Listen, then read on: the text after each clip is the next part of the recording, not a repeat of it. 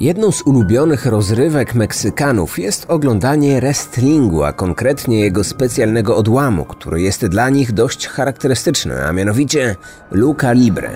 Dla turystów odwiedzających ten kraj jest to dosyć niezrozumiały fenomen, ale dla rodowych Meksykanów to ważna część ich kultury. Walki są oglądane przez tysiące osób. Nierzadko hale pękają w szwach, a sprzedający bilety zacierają ręce, widząc te wszystkie pieniądze, których ludzie nie szczędzą, by móc zobaczyć to, co będzie się działo na własne oczy. Zawodnicy mają na twarzach maski i stroje. Nierzadko są one kolorowe i przywodzą na myśl wdzianka postaci z bajek.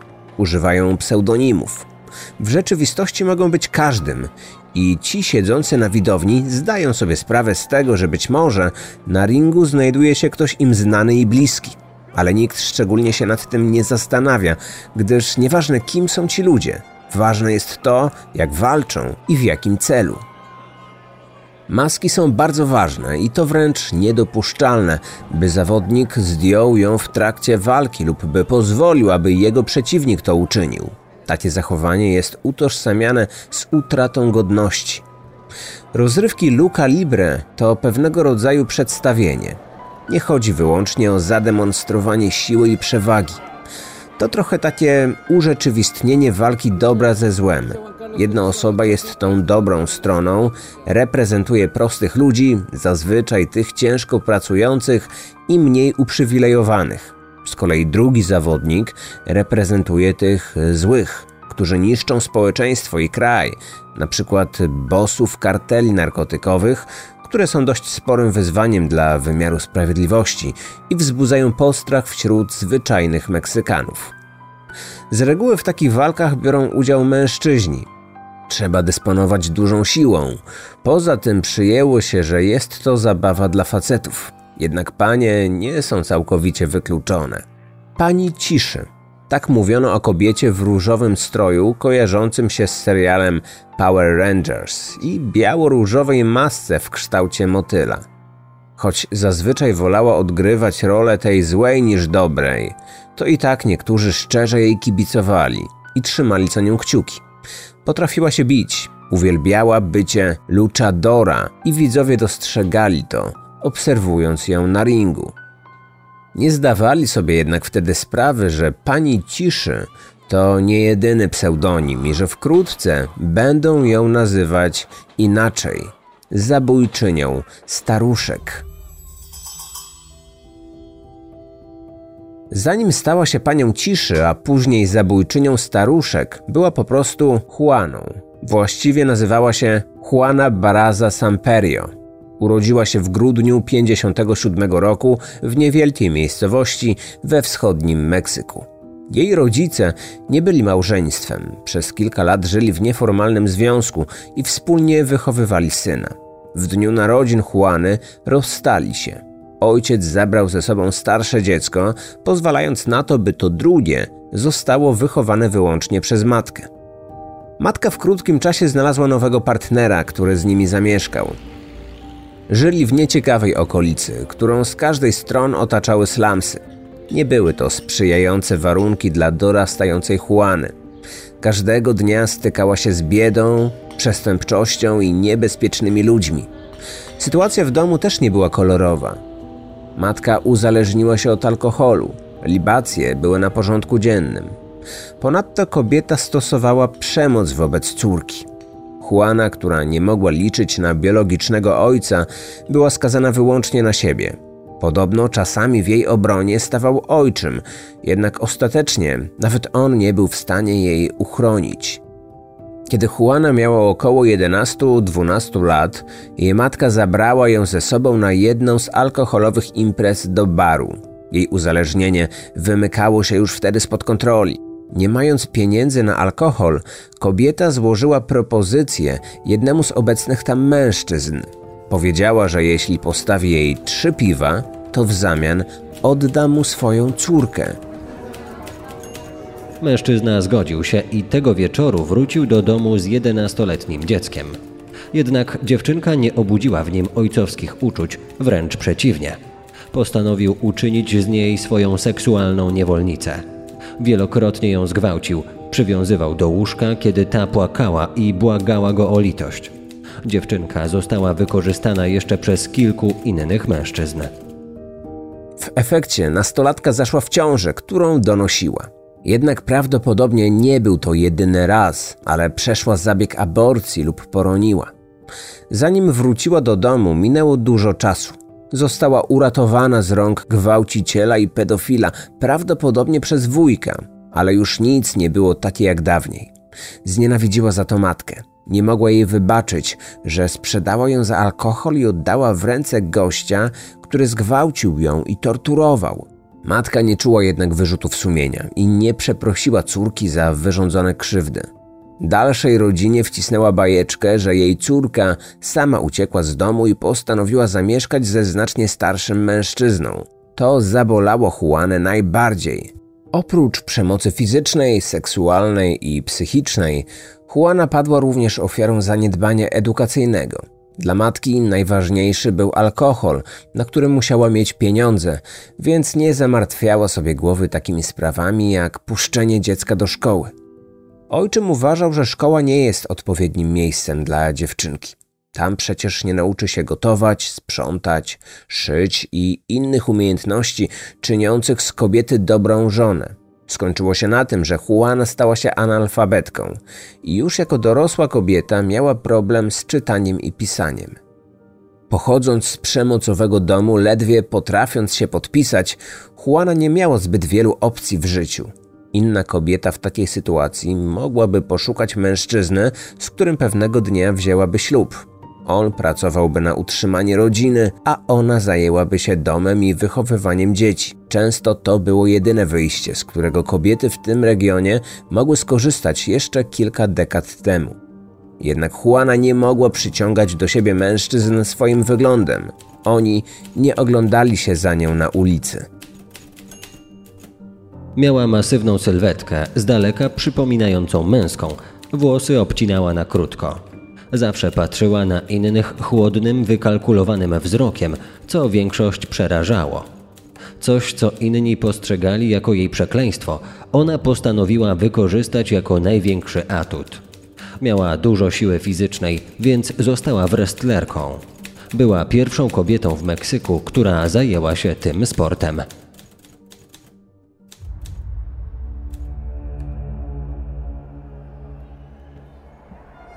Wrestling przez lata stanowił jej źródło dochodu. Miała na utrzymaniu nie tylko siebie, ale i syna, którego urodziła będąc jeszcze dzieckiem.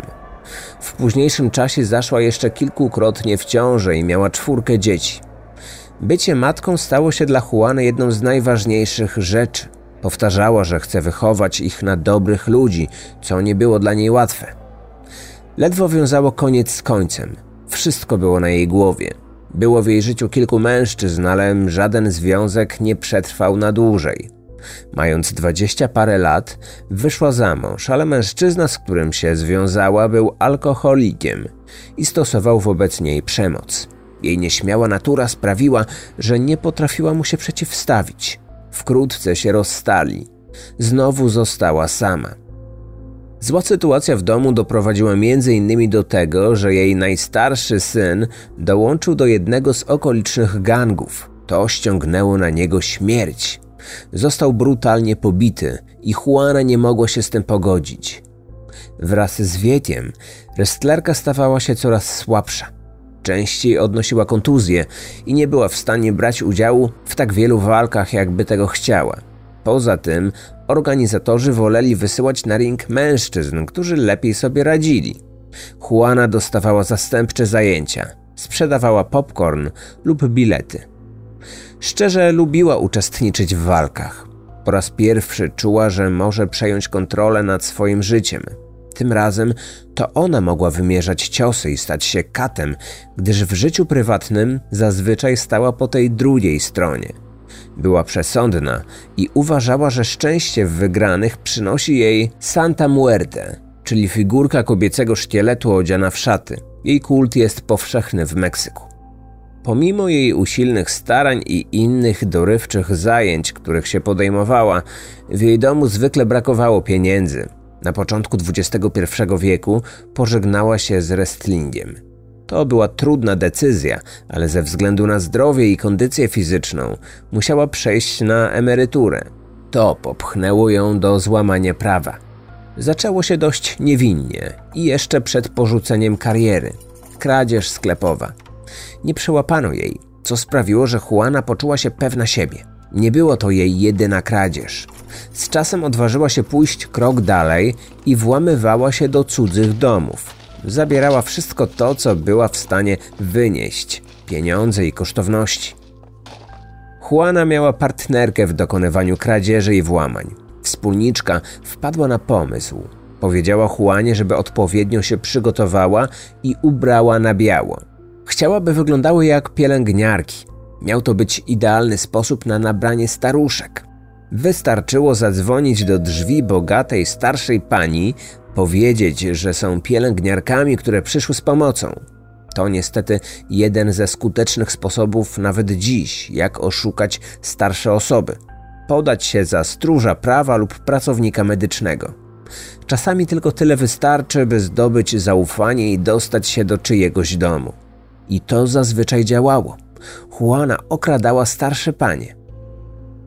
Niewiele brakowało, a zostałaby przyskrzyniona. Jej znajoma złodziejka spotykała się z policjantem, który doskonale zdawał sobie sprawę z tego, jaką profesją zajmuje się jego dziewczyna. Właściwie nie miał nic przeciwko i sam lubił przyjmować łapówki, by wyciszyć pewne sprawy. Policjant zaczął szantażować Juanę. Wiem, czym się zajmujesz i jakich przestępstw dokonałaś. Jesteś złodziejką i gdyby to się wydało, poszłabyś siedzieć i to na całkiem długo, gdyż sporo ci się już tego nazbierało. Ale możemy to załatwić inaczej. Masz dzieci i pewnie nie chcesz ich zostawić na lodzie, więc zróbmy tak. Ty dasz mi kasę, a ja cię nie wydam. Wszystko wskazuje na to, że Baraza wzięła jego słowa na poważnie i dała mu łapówkę do ręki, gdyż mężczyzna ostatecznie jej nie wydał. Kradzieże i rabunki to pospolite przestępstwa w wielu krajach, również w Meksyku. Tam szczególnie można zetknąć się z prężnie działającą przestępczością zorganizowaną. Oprócz kradzieży, równie często dochodzi do wymuszeń, porwań czy handlu narkotykami. Również nie dziwią nikogo zabójstwa, ale dla Meksykanów pojęcie seryjnych mordów lub seryjnego mordercy było czymś abstrakcyjnym i kojarzyło się przede wszystkim z sąsiednimi Stanami Zjednoczonymi. Jednak ten kraj miał też swojego Kubę rozpruwacza – czy Teda Bandiego, ale zwykle były to historie sięgające kilkanaście lat wstecz i które opierały się na pewnym schemacie. Seryjniakiem był zawsze mężczyzna, najczęściej w średnim wieku, który na cel obierał sobie prostytutki. Kierując się nienawiścią do kobiet, w okrutny sposób je mordował. Przykładem takiego sprawcy jest choćby Goyo Cardenas, który został złapany na początku lat 40. W późniejszym czasie było jeszcze kilka podobnych, sensacyjnych spraw, ale nie zyskały one szczególnego rozgłosu i nie wyszły poza meksykańską prasę. Jednak tamtejszy śledczy na początku lat 2000 zauważyli pewne zjawisko. Kilka starszych kobiet z Meksyku zostało zamordowanych, jednak nie wiedzieli wtedy, że zabójstwa są ze sobą powiązane. Wzięli to za pewien niepokojący trend – Ktoś po prostu polował na majętne staruszki. Pierwszą ofiarą była 64-letnia Maria. Kobieta krótko przed śmiercią przeszła na emeryturę. W listopadzie 2002 roku rodzina odnalazła zwłoki w jej własnym domu. Kobieta zmarła w wyniku uduszenia. Sprawca użył do tego wyłącznie swoich rąk. Na jej ciele znaleziono inne ślady wskazujące na dotkliwe pobicie, Zbrodni dokonano w domu denatki. W środku nie odnaleziono żadnych śladów, które świadczyłyby o włamaniu. Wszystko wskazywało na to, że ofiara dobrowolnie wpuściła zabójcę. Z domu nic nie zginęło. Wszystko było na swoim miejscu. Początkowo podejrzewano, że Maria została zamordowana przez kogoś, kto dobrze ją znał. To pasowałoby do tego, że kobieta wpuściła oprawcę do domu. Kilka miesięcy później doszło do kolejnego mordu. Dzielnica miasta Meksyk, kolonia Juarez, jest jego reprezentacyjną częścią, tętniącą życiem. Na jednej z tamtejszych ulic mieszkała 84-letnia Guillermina. Ona również wpuściła obcą osobę do swojego domu. Wygodnie rozsiadła się w fotelu i wtedy nastąpił atak też została pobita i uduszona, ale poza tym z jej domu zniknęły przedmioty, a konkretnie droga biżuteria i pieniądze. Miejsce zbrodni zostało splądrowane, rzeczy powyrzucano z szafek. Kilka miesięcy później, pod koniec lipca, odnaleziono martwe ciało 86-letniej kobiety. Sprawca udusił ją na łóżku w sypialni i tak pozostawił jej zwłoki. Po dokonaniu zabójstwa zaczął wyciągać z szafek rzeczy i zrobił duży bałagan. Wyrzucał je na oślep i wiele z nich znalazło się na zwłokach denatki. Ostatecznie zabrał z miejsca przestępstwa biżuterię oraz pieniądze, po czym wyszedł. Następny atak nastąpił w październiku 2003 roku, prawie rok od pierwszego zdarzenia. Tym razem ofiara próbowała się bronić, jednak bezskutecznie, gdyż w wyniku tego jej ręce zostały mocno ściśnięte i złamane. Związano ją i uduszono. W ciągu kolejnych lat doszło do wielu podobnych zbrodni w stolicy Meksyku. Okoliczności zawsze były te same. Sąsiedzi lub rodzina znajdowali zwłoki starszej kobiety, która była w przedziale wiekowym od 60 do 80 lat. Na ciele były widoczne ślady pobicia, a lekarze sądowi wskazywali, że bezpośrednią przyczyną śmierci było uduszenie. Następnie sprawca wykradał wartościowe rzeczy oraz pieniądze, pozostawiając po sobie bałagan. Po jakimś czasie meksykańska policja zorientowała się, że mają do czynienia z seryjnym sprawcą. W pobliżu domów ofiar świadkowie widzieli osobę, która z czasem została utożsamiona jako sprawca. Widziałem kobietę w białym stroju pielęgniarki. Była dobrze zbudowana i dość wysoka. Miała krótkie włosy. Szła szybkim krokiem. Widać było też, że jest nerwowa. W rękach trzymała torbę, w której były jakieś rzeczy.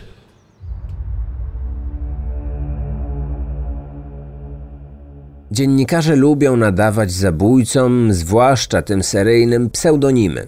O osobie, która zabijała starsze panie w Meksyku, mówiono El Mataviejitas, czyli zabójca staruszek. Rodzaj L jest męski i w ten sposób podkreślano, że sprawcą musi być mężczyzna. Taki pogląd został wylansowany przez policjantów stojących na czele śledztwa. Choć kilku świadków twierdziło, że widziało kobietę, która po prostu miała męską posturę i rysy twarzy, śledczy twierdzili, że był to facet w przebraniu. Zabójstwa dokonano używając przede wszystkim siły fizycznej. Ofiary były duszone, zazwyczaj gołymi rękami, a wcześniej dotkliwie bite po twarzy. Czasami sposób odebrania życia nieco się różnił i uduszenia dokonywano przy pomocy paska, kabla lub plastikowej torby, czyli tego, co akurat znalazło się pod ręką. Jednak nie było wątpliwości, że wszystkie zbrodnie zostały dokonane przez tę samą osobę. Natomiast policji nie mieściło się w głowie, by to kobieta była do tego zdolna. Znaleźli kilku podejrzanych. Jednym z nich był Guillermo Ibarra. We wrześniu 2002 roku, czyli na dwa miesiące przed pierwszym zabójstwem, Ibarra dotkliwie pobił swoją matkę. Mężczyzna się nią opiekował, ale tamtego dnia pokłócili się i syn stracił nad sobą panowanie. Złamał jej m.in. kręgosłup. Kobieta zmarła kilka dni później w szpitalu. Świadkiem tego przestępstwa była jego siostrzenica. Mężczyzna zbiegł i był poszukiwany przez policję. Uważano, że Guillermo, który miał problemy z agresją po zabójstwie swojej mamy, mógł dokonać innych wstrząsających zbrodni. Detektywi zastanawiali się także nad osobą Jose Sancheza, który włamał się do domu starszej kobiety i okradł ją z kosztowności. Ofiara jednak była bardzo zdeterminowana, zaczęła krzyczeć i wypłoszyła włamywacza z domu. Został on schwytany przez patrol policji chwilę po całym zajściu. Na samym początku przyjęcie zapewnik tego, że mężczyzna przebierał się za kobietę, wiązało się z przekonaniem, że chciał w ten sposób zmylić świadków i policję. To miało też w pewien sposób świadczyć o jego geniuszu. Meksykańscy śledczy kierowali się ustaleniami dokonanymi przez Amerykanów, m.in. przez behawiorystów z FBI. Wielu seryjnych zabójców uznano za wybitnie inteligentnych i tę cechę przepisywano także zabójcy staruszek. Jednak z czasem zaczęto brać pod uwagę inne możliwości. Podejrzewamy, że poszukiwany przez nas sprawca ma około 45 lat i ukrywa swoje homoseksualne preferencje. Prawdopodobnie w dzieciństwie padł ofiarą przemocy psychicznej i wychował się w środowisku zdominowanym przez kobiety. Mógł mieszkać w jednym domu z babcią lub inną starszą kobietą, która wywarła na nim piętno.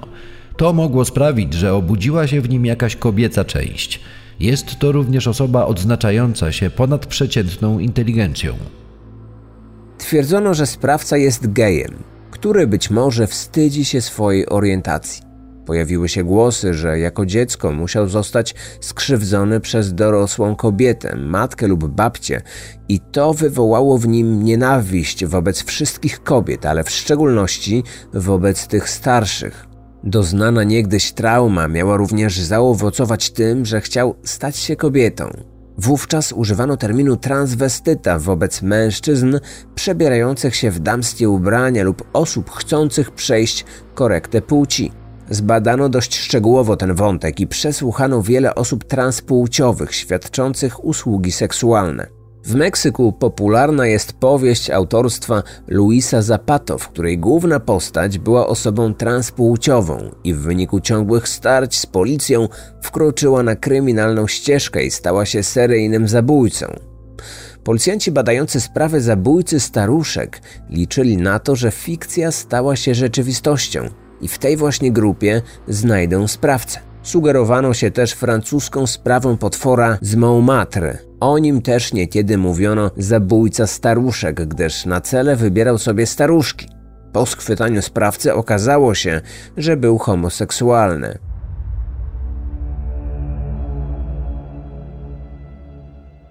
Juana Baraza była poza podejrzeniem. W ciągu trzech lat zdążyła zakończyć przedwcześnie już wiele żyć, a w telewizji i gazetach ciągle trafiała na informacje, że poszukiwany jest mężczyzna.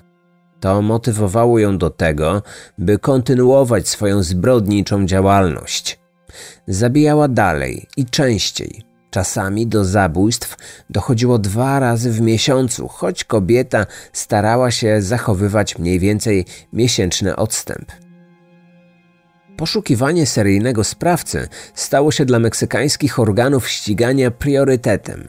Wobec skali podobnych do siebie przestępstw popełnianych na starszych paniach już nie można było przejść obojętnie. Swoje wysiłki musieli podwoić, kiedy prasę obiegła wiadomość o tragicznej śmierci matki znanego w Meksyku uczonego. Ciało Marii del Carmen Camili González Miguel zostało odnalezione w jej posiadłości 28 września 2005 roku. Ponad 80-letnia kobieta została pobita i na końcu uduszona, tak jak pozostałe ofiary. Juana polowała zazwyczaj na kobiety dobrze sytuowane, tak by zbrodnia przyniosła jej jakieś korzyści materialne. Tym razem trafiła na szczególnie elegancką i majętną starszą kobietę. Oczywiście wyniosła z jej domu przedmioty o znacznej wartości oraz gotówkę. Ironią losu było to, że zamordowana kobieta miała syna, który był cenionym w kraju ekspertem w dziedzinie kryminologii i kryminalistyki. Wobec nieoczekiwanego zwrotu akcji policjanci musieli postarać się jeszcze bardziej. Wcześniej można było wyczuć, że śledczy trochę się ociągają. Unikali też podczas konferencji prasowych mówienia o seryjnym zabójcy. Ginęły staruszki, które w większości miały już sędziwy wiek, nierzadko były schorowane. Przyjęło się też, że ofiarami seryjnych sprawców są zazwyczaj atrakcyjne młode kobiety, a te zbrodnie zdecydowanie odbiegały od tego wyobrażenia. Jednak kiedy zabito matkę ważnej osobistości, która w dodatku zajmowała się przestępczością, podejście policji się zmieniło. W ramach prewencji wydawano broszury i organizowano spotkania dla seniorów, podczas których policjanci ostrzegali ich przed zagrożeniem. Radzono, by starsze osoby nie wpuszczały do domu obcych pod żadnym pozorem. Poszukujemy zabójcy, który przebiera się za kobietę pielęgniarkę. Proszę uważać na wszystkie osoby, które będą kręcić się w pobliżu domu albo nawet zapukają do drzwi, a będą mieć na sobie biały strój. Środki ostrożności należy też zastosować wobec osób podających się za pracownika pomocy społecznej. Nie należy otwierać drzwi, tylko szybko zadzwonić pod numer alarmowy, a ktoś z policji przybędzie do państwa. Na ulicach pojawiło się także więcej patroli. Bacznie obserwowano wszystkie parki, ogrody i inne zielone miejsca, gdyż uważano, że jest spora szansa trafić tam na sprawcę. Dlatego akcja zyskała kryptonim Parki i Ogrody. Dalej pod lupą były osoby transpłciowe, świadczące usługi seksualne, ale brano pod uwagę także inne możliwości. Uważano, że to tam osoba odpowiedzialna za mordy wybiera swoje ofiary, które później śledzi i w ten sposób dowiaduje się, gdzie mieszkają. To było jedno z kluczowych pytań. Skąd zabójca wiedział, że w danym domu mieszka seniorka? To by wiele wytłumaczyło. Doszło do jeszcze kilku zabójstw w Meksyku, których sprawstwo przypisano zabójcy staruszek. Społeczeństwo było rozczarowane tym, że mimo starań policyjnych sprawca dalej jest na wolności. Ale koniec powoli się zbliżał i nadszedł 25 stycznia 2006 roku.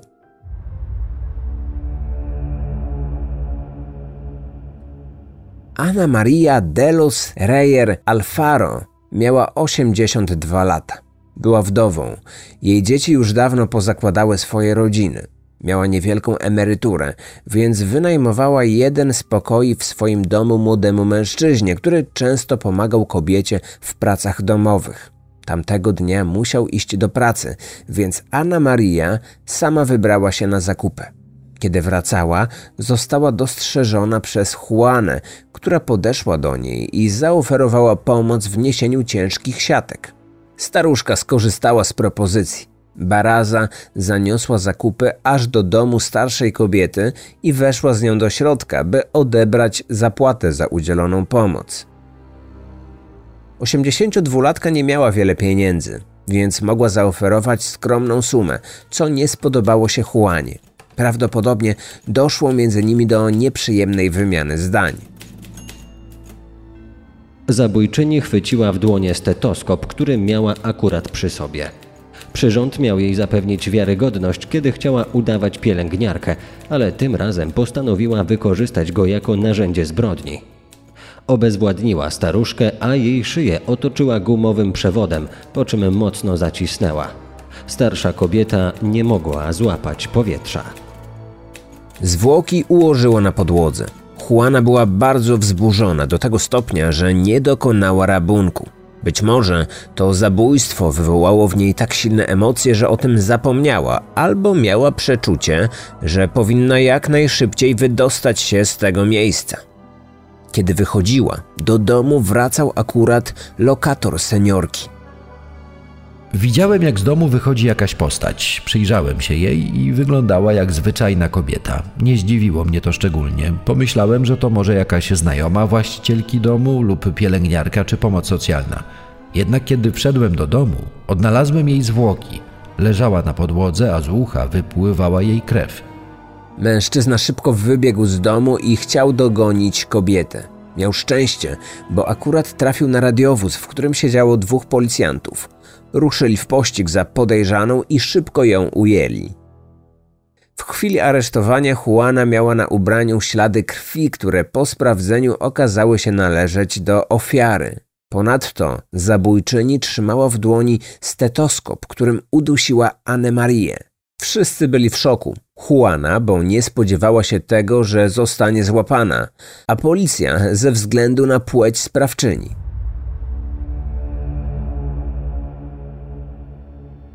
Juana Baraza nie zaprzeczała swojej winy. Niemal od razu przyznała się do zabójstwa Anny Marii. Śledczy mieli przeczucie, że to zabójstwo może nie być jedynym, które zostało popełnione przez tę kobietę. Zdawali sobie sprawę z tego, że zabójca staruszek, poszukiwany przez ponad trzy lata, może być właściwie zabójczynią staruszek.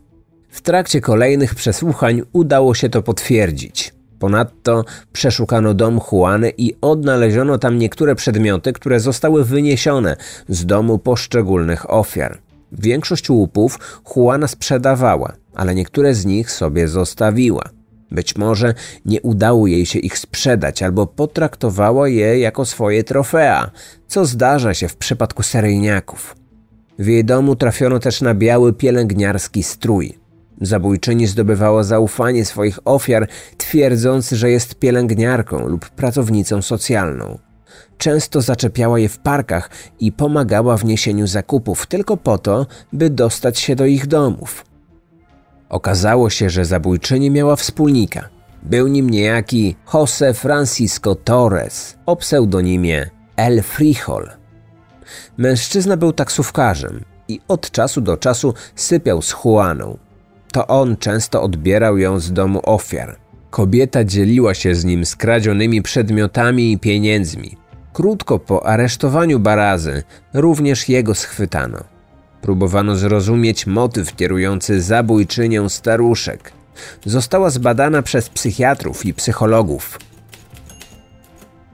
Miała ogromny żal do własnej matki i z tego powodu wybrała na ofiary kobiety, które były w jej wieku.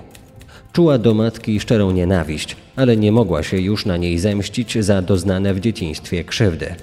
Uważała, że wszystkie starsze kobiety są złe i zabijając je, czuła, że uwalnia świat od ich mroku. W mediach nie pisano już o zabójczyni staruszek. Narracja zmieniła się diametralnie. Wcześniej wspominano o mężczyźnie, który miał wysokie IQ, był bystry i sprytny. Przez długi czas dzięki swojemu geniuszowi zbrodnie uchodziły mu płazem. Jednak wobec Juany używano już innych słów, co w sumie nie powinno nikogo dziwić, biorąc pod uwagę, jakie zarzuty jej postawiono. Mimo to zaczęto nadmiernie podkreślać, że jest analfabetką, że jej matka była alkoholiczką i że syn należał do gangu. Nadal niektórym trudno jest zrozumieć, że kobieta również może być zdolna do przemocy na ogromną skalę. Przyjęło się, że kobiety, które zabijają, dzielą się na dwie kategorie: złe, przeklęte i nieludzkie oraz szalone, czyli inne niż pozostałe, normalne kobiety. Kobieta, która ma skłonność do przemocy i popełnia przestępstwa, nie jest odbierana jako zdrowa na umyśle i przypisuje jej się cechy osobowości postrzegane przez większość jako typowo męskie. Podejrzewano, że odebrała życie 49 kobietom. Oficjalnie uznano, że pierwszego zabójstwa dokonała w 2002 roku, ale istnieje spore prawdopodobieństwo, że po raz pierwszy zabiła 4 lata wcześniej. Nie podano, kto mógł być tą pierwszą ofiarą. W 2008 roku ruszył proces i krótko później sąd wydał wyrok. Juana Baraza została uznana winną 16 zabójstw i 11 rabunków. Skazano ją na 759 lat pozbawienia wolności. Dziś ma prawie 65 lat i już nigdy nie opuści więzienia. Pomimo statusu seryjnej morderczyni, jest lubiana wśród osadzonych oraz wśród służby więziennej. Zajęła się pracą i gotuje tacos, które później jest sprzedawane.